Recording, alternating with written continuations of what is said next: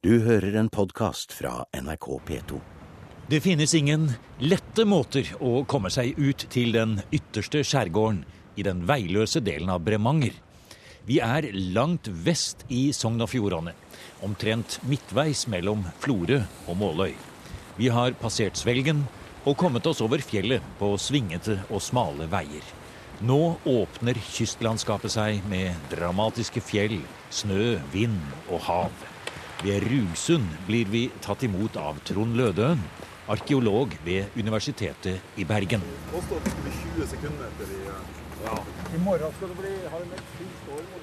Nå er det åpen båt og påhengsmotor resten av veien.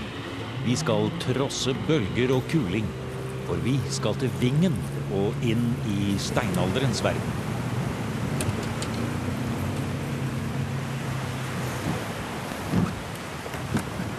Dette ville jo selvfølgelig vært litt tøft i eh, skinnbåt eller kajakk i forhistorie på vei fra Skattestrømmen og inn til Vingen. Ja, for nå er det, det er litt uh, sjø rundt, rundt oss her nå, Trond.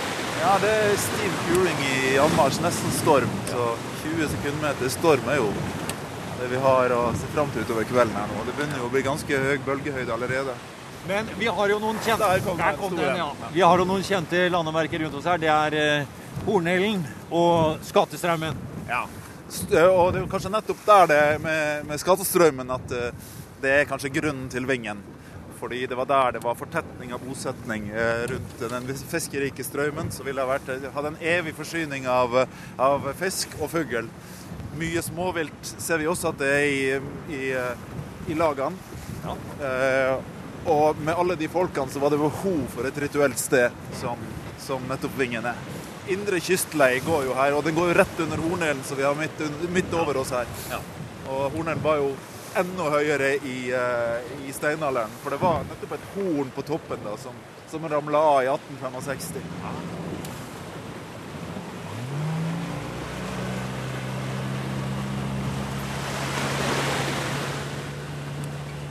Stedet vi skal til er en liten poll, en vik på fastlandet, innerst i en lang sydvestvendt fjord som åpner rett ut i havet ved Frøya. Inneklemt mellom urer og stupbratte fjellsider er Vingen et helt særpreget natur- og kulturlandskap. Og her finnes det 2200 ristninger fra steinalderen. Her har vi kommet oss opp på land. Det er akkurat som en trakt på en måte, denne pollen som er formet rundt her. Regnet pisker inn, og det driver sjøråk gjennom her. Og så ligger det en slags steinur som vi går på her nå. En, eh, en terrasse. Og så har vi da Hornelen som ligger og nærmest ruver over det hele. Og det tror jeg nok har vært helt uh, essensielt for de som uh, starta helleristning her inne. Eh, og ikke minst den store elva som eh, tidligere dundra ned innerst i pollen. Og I tillegg til det så er det jo nå et sånt vindfenomen som ofte oppstår her. At du ser du får nemlig sånne små skypumper som, eh, som plutselig oppstår og forsvinner like brått. De er veldig vanskelig å få fanga opp med bilder eller gjennom film. Så jeg tror nok at det der må ha ytterligere forsterka opplevelsen folk har hatt, at det må være, det, altså være besjela, det, det området her. At det var figurer i fjellet her, det hadde nok lokalbefolkningen visst om lenge. Men det var først da overrettssakfører Christian Bing kom hit i 1910 for å klatre østsiden av Hornhellen, på samme måte som sagaen forteller at Olav Tryggvason hadde gjort, at Vingen på nytt kom i offentlighetens søkelys. Bing ikke bare kjøpte hele stedet, men skrev også en artikkel i tidsskriftet Oldtiden i 1912, hvor han begeistret fortalte om dette enestående kulturminnet, så avsides, så vilt og så utrolig rikt på helleristninger. Artikkelen vakte oppsikt og startet en publiseringshistorie, som nettopp har fått et nytt avsnitt med det helt nye praktverket om Vingen, skrevet av Trond Lødøen og Gro Mant. Og tittelen på den nye boken er akkurat den samme som overrettssakfører Bing brukte for 100 år siden. Ja, det er jo et, eh, et naturens kolossalmuseum for helleristninger. Ja. Og man kan, nesten, eh, man kan nesten føle en slags sånn andpustenhet over den, hvor overvelda han var når han, når han opplevde eh, landskapet og vingen her, og, og figurer som bare dukka opp. Han, han kom vel over ca. 100, men det er jo mange mange dobla i dag. da. Et naturens kolossalmuseum, ja. La oss gå litt innover i det, Trond. Og dere har drevet arkeologiske undersøkelser her, og gjør det fortsatt, i mer enn 20 år nå. Og vi eh, beveger oss da innover i dette området dere har arbeidet. Og her peker du mot en. Og der ser vi det første dyret. Kommer fram av fjellet her. Å, se på den beliggenheten. Ja, jeg mister nesten pusten når jeg ser det, altså. Når vi står inntil den lyse, flotte flaten som står her nå, med dype, dype konturhugd av, en, eh, av et hjortedyr med full kroppsdekor. Ja. Det er et av de største vi, vi har i, eh, i, eh, i Vingen, da. Men de finnes da i enda større lengde, da. Oppimot en par meter, par meter lange dyr. Men, eh, men eh, stort sett så er de ganske små, sånn 30 cm lang. Og, og vi har egentlig gått forbi eh, ja, mange mange titalls som er vanskelig å se. De ligger under stein, de ligger bak stein, de er vanskelig å se. Det er grunne riss. Og du må egentlig ha sola med deg. Du må ha godt skrålys hvis du skal klare å, å se dem godt. Eller eventuelt ei, ei, ei lommelykt på, på nattestid. Og denne, dette hjortedyret det er på vei innover i, eh, mot enden av bollen her. Ja, og egentlig når vi er nå på vei inn mot eh, sentrum, så blir det et, egentlig et virvar mellom menneskefigurer, dyrehodestaver, eller, eller, figur, eller uttrykte dyrehodestaver.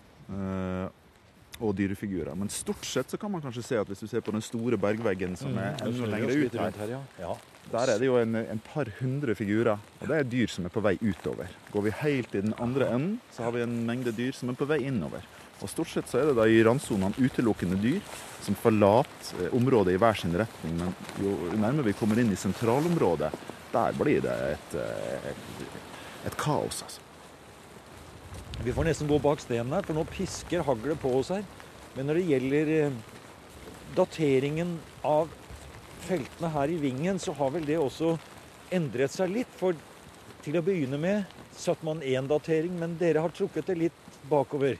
Ja, etter eh, ja, jeg holdt på å si både arkeologiske undersøkelser, eh, inngående studier av strandforskypningsforløpet gjennom tidene. Ja, eller kanskje spesielt eh, de mange utgravningene. Eh, titalls, bortimot hundretalls eh, C14-dateringer har gjort at vi nå ser et litt annet forløp. Og vi ser også samtidig mange faser, både når det gjelder de her tuftene som er i bruk, og, og det som sannsynligvis er ulike ristningsfaser.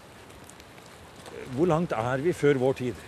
Ja, Ca. 7000. Altså mellom 7000 og 6002. En, kanskje en 800-900 års periode der. Det er det som det ser ut i, i grove trekk.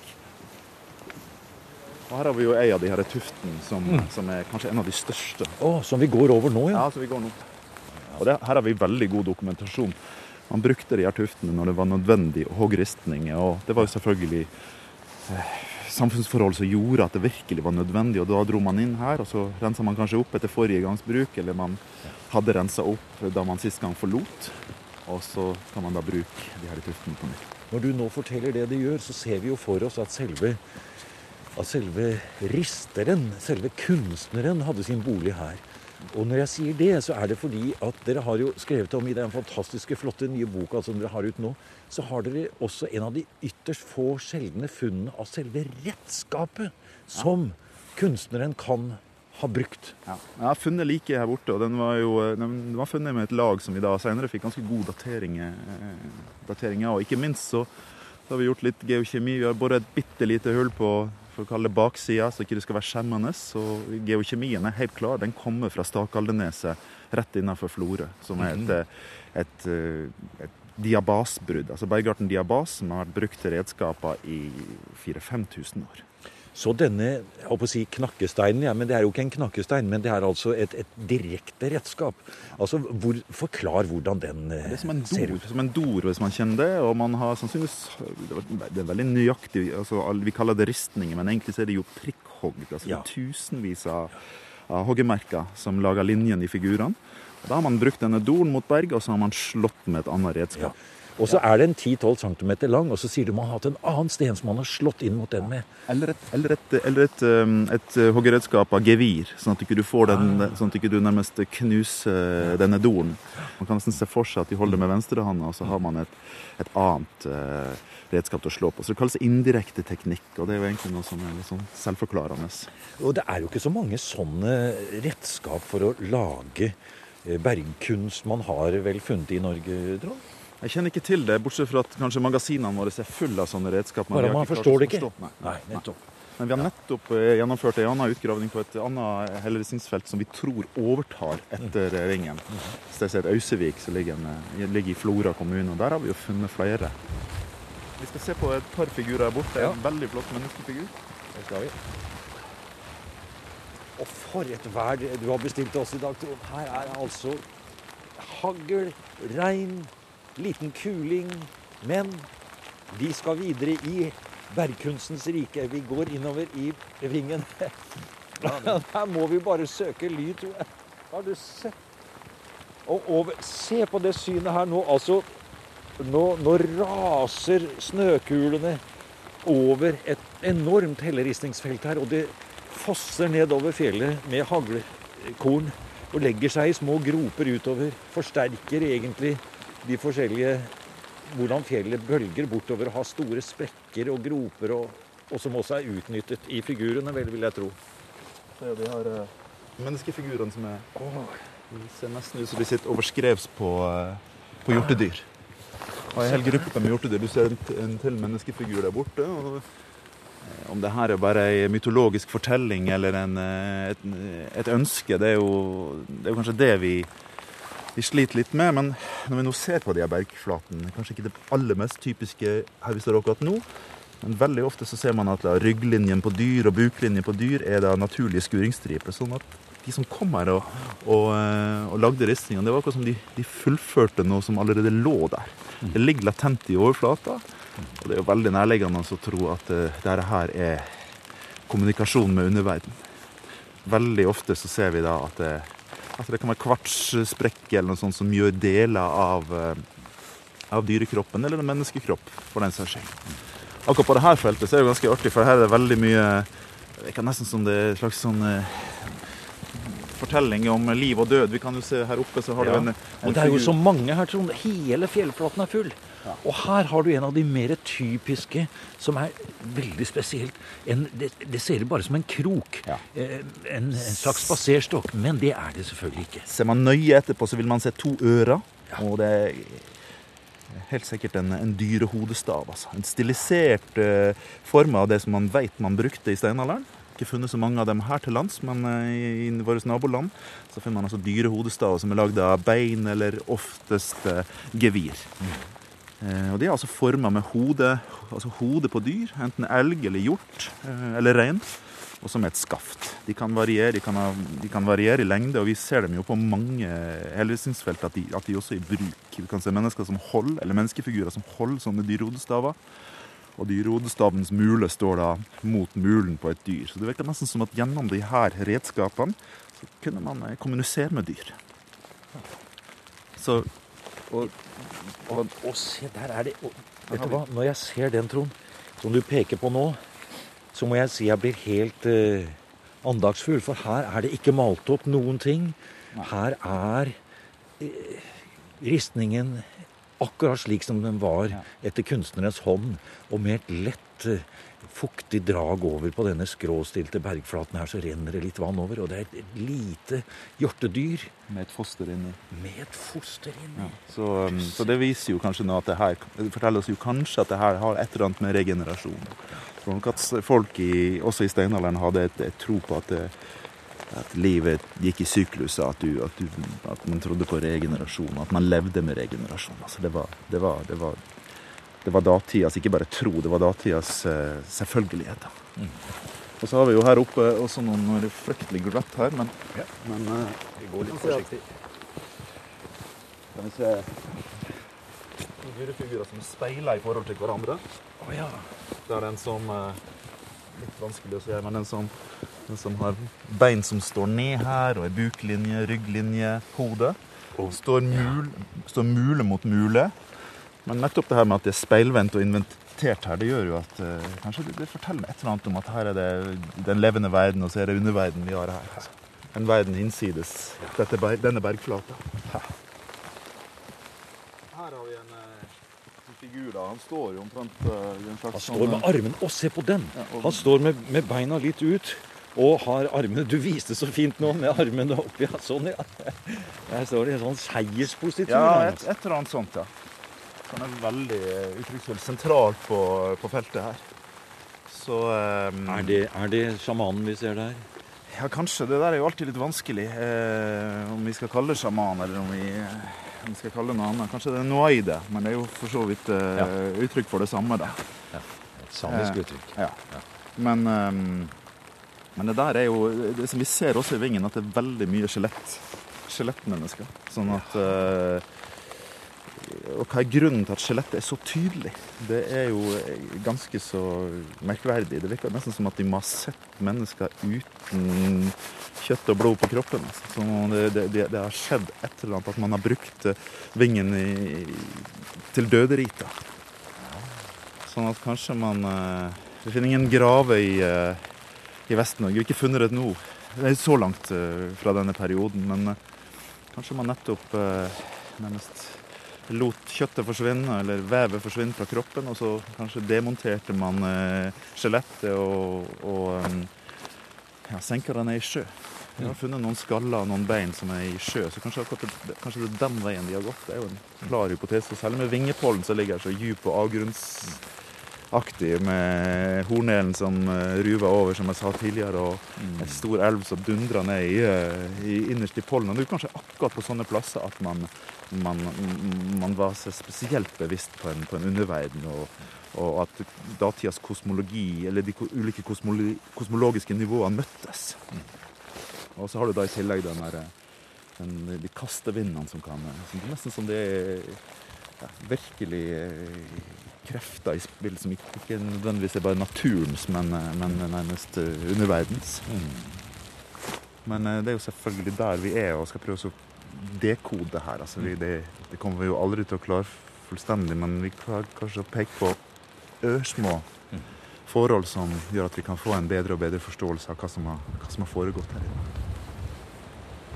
Her ryker det opp i Nå går det hvitt inni pollenet her. Og se! Det, det, vi vil snart kunne se sånne små virvelvinder som plutselig kommer fram i Som de stiger opp av vingepollen. Ja. Åh, det er helt utrolig. Det er en liten kuling med hagl her nå. Og vi ser ingenting annet enn kav rundt oss. Vi står med ryggen til uværet nå. Så skal vi se om vi kan oh, der kom været. Ja, det kom der, ja. Været veksler raskt mellom haglbyger, svart himmel, frådende hvitt skum i vingepålen. Og så letter det litt, med en solstråle som river seg gjennom. Trond Lødøen er vant til været i Vingen, og mener det er på tide å søke ly oppi ura. Kanskje krype inn i noen av de små hulene som også er rikt dekorert av steinalderens bergkunstmestere. Vi klatrer oppover i uret her på Vingen og ser jo at det åpner seg små rom innover her hele veien. Og her kommer vi inn en, under en stor heller. Her er vi også litt i ly for å være. Nå har du klatret opp på en sten der. Det skal jeg gjøre også. kommer jeg opp ved siden av deg her. Klatrer innover i hula her nå. Skal vi se. Tar vi med. Kommer opp på kanten her. Ser vi da altså en menneskefigur. Tydelige hoggemerker. Du kan se hvert eneste, kan kjenne hvert eneste hoggemerke. Ganske breibent beinstilling. En ganske tynn kropp. Og armer som går ut i hver sin retning. Og et, et hode som nærmest ser ut som det er atskilt fra kroppen. Så igjen, det er jo nesten det. det. det. er jo så stor avstand mellom hodet ja, og kroppen. At... Så igjen det her, du har skjelettmennesker, du har menneskefigurer der du har avstand mellom hode og kropp, som kanskje forteller noe om noe døderiter som har vært her inne. Vi har Utrolig, altså. Og vi har en For et flott syn, altså. et annet sted her som det nesten er problematisk å komme seg inn. Nå kryper vi altså rundt inni en hule her på vingen.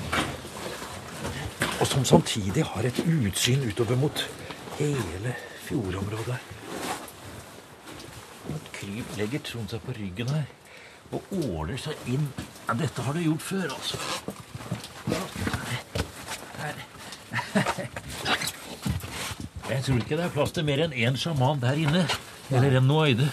Skulle selvfølgelig hatt med litt lys her nå, men Ja, men jeg ser det så her er det i hvert fall eh, en rekke hoggemerker. Egentlig så ser det ut som det er en, eh, en dyrefigur som er der her inne. Og herfra jeg sitter nå, så ser jeg hvordan det drypper ned også.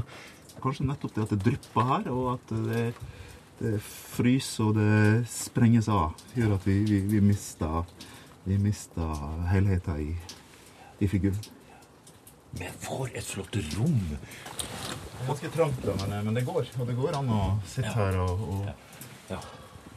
Både Man kan se for seg at de har sittet her og, og, Ja. og hogd Ja. figuren. De har i hvert fall måttet tilbringe tid her inne for å få det dokumentert. Ja. ja. Og så kan man da seg enda lenger inn, og på en annen stein her inne så er det da en dyrehodestav. For et fantastisk opplag, altså. Utrolig.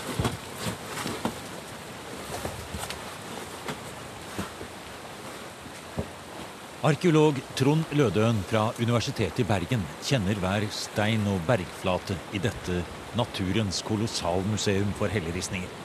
Og nå vil han ta oss med helt inn i bunnen av Vingepålen. Til fossen som kommer ned fra fjellet og skaper enda et voldsomt møte mellom naturelementene. Enda i dag, 7000 år etter at steinaldermenneskene ristet inn sine rituelle figurer overalt i fjell og stein omkring oss, er virkningen sterk. På de bergplatene her så er det en eh, 150 dyrehodestaver og en, eh, kanskje bare tre-fire dyrefigurer som virkelig er helt omringa av dyre dyrehodestaver. På andre sida av elva her, eller der elva nå renner mest en bekk her, men det rant jo ei svær elv her tidligere som er bortregulert på andre sida. På, på et langt, et lang, et lang, en lang, lang skråstrykt bergvegg. Der har vi en 80-90 dyrefigurer som alle, samtlige, ja, kanskje ett eller to unntak der, går nedover. Men de aller, aller fleste går oppover elva og opp i fjellheimen. Altså. Så hva som egentlig befinner seg der oppe, har jo alltid vært et lite mysterium. Og vi har jo leita og leita og leita. Men det er i hvert fall der du finner store forekomster av hjort. Levende hjort i dag. Så om det er en, også da var en sammenheng, at det var et godt hjorteterreng, og at det var en forbindelse der det hjortens egentlige rike er der oppe. Å, der kan jeg se, se der. Der har du en stor figur rett der. Det er en mengde figurer oppover her. 20-30 stykk. Du kan se dem helt der oppe der. Og du kan se det bare sånn ut vage riss av noe, av noe fjellhylle som man må ha stått på. Og så ser du da ristninger som ligger der en, kanskje en meter eller halvannen meter. En eh, halv mannshøgde høyere opp. Og nå som vi står her i dag, så gir jo det som er igjen av fossene her, et fantastisk lydkulisse og en ramme og et fantastisk liv til denne fjellveggen. Som reiser seg opp. Men hva må det ikke ha vært når den gikk for fullt? Ja, det er jo helt, eh, helt det, må, jo- det, var jo, det blir jo sagt at eh, på nabogården her ute, som også har en stor foss, at eh, det var ikke deres egen foss de hørte, det var Vingefossen lenger inn i Kollen. Men eh, han rann eh, ganske tidligere denne uka da det var store nedbørsmengder og magasinet her oppe var fullt, og det rant over, så rant han nesten med fordomsprakt. Da hadde ikke vi klart det. Da var det umulig å gå over her. Ja. Tørrskodd. Og det må jo bety at de har satt inn disse figurene mens det har vært lite vannføring. Og så på stor vannføring så er på en måte figuren i kontakt med den kraftige fossen. Ja, akkurat det der spillet der, hvordan de må ha prøvd hele tida å komme inn på, inn på de kreftene. Hele tida. Man var nærmest på en desperat jakt etter en forklaring. eh, Og, man eksperimenterte nærmest desperat med ristninger for å prøve å få for å komme i kontakt med underverdenen. Om om man lykkes i dette her eller ikke lykkes i det, det er jo helt umulig for oss å si. Men vi vet jo også at Vingen da gikk ut av bruk etter noen hundre år. Så hva som egentlig skyldtes det, om man ikke fant de svarene som var nødvendig Man fikk ikke den responsen på de, de tusenvis av helleristningene som er lagd her inne. Det er helt umulig å si, men vi prøver også, og vi, vi gir oss ikke, for vi skal i hvert fall prøve å å sannsynliggjøre en forklaring på det også. Og man kan jo bare undre seg over at ikke Vingen med sin enestående beliggenhet og den fantastiske samlingen av bergkunst fra steinalderen ennå ikke er norsk kandidat til Unescos verdensarvliste. Universitetet i Bergen, som eier området, får absolutt støtte og oppbacking til forskningen her. Både fra fylkeskommunen og Riksantikvaren, sier Trond Lødøen. Men allikevel, ressurssituasjonen skulle vært en annen, og det skulle vært en permanent oppgave Ja. i området at man tok vare på dette mer aktivt daglig, et daglig oppsyn. Man ønsker jo egentlig å tenke helt nytt her, for det, det tilhører jo alle. Og det bør jo egentlig ja, formidles i enda større grad, og vi prøver jo ulike metoder, filmer, virtual reality eller VR-teknologi, for å prøve å få det fram til folk. Men selvfølgelig, det gir en egen opplevelse å være her og, og, og oppleve det med, på dagtid, nattestid, i blest og stille. Nærmere kommer man ikke steinalder, tror jeg.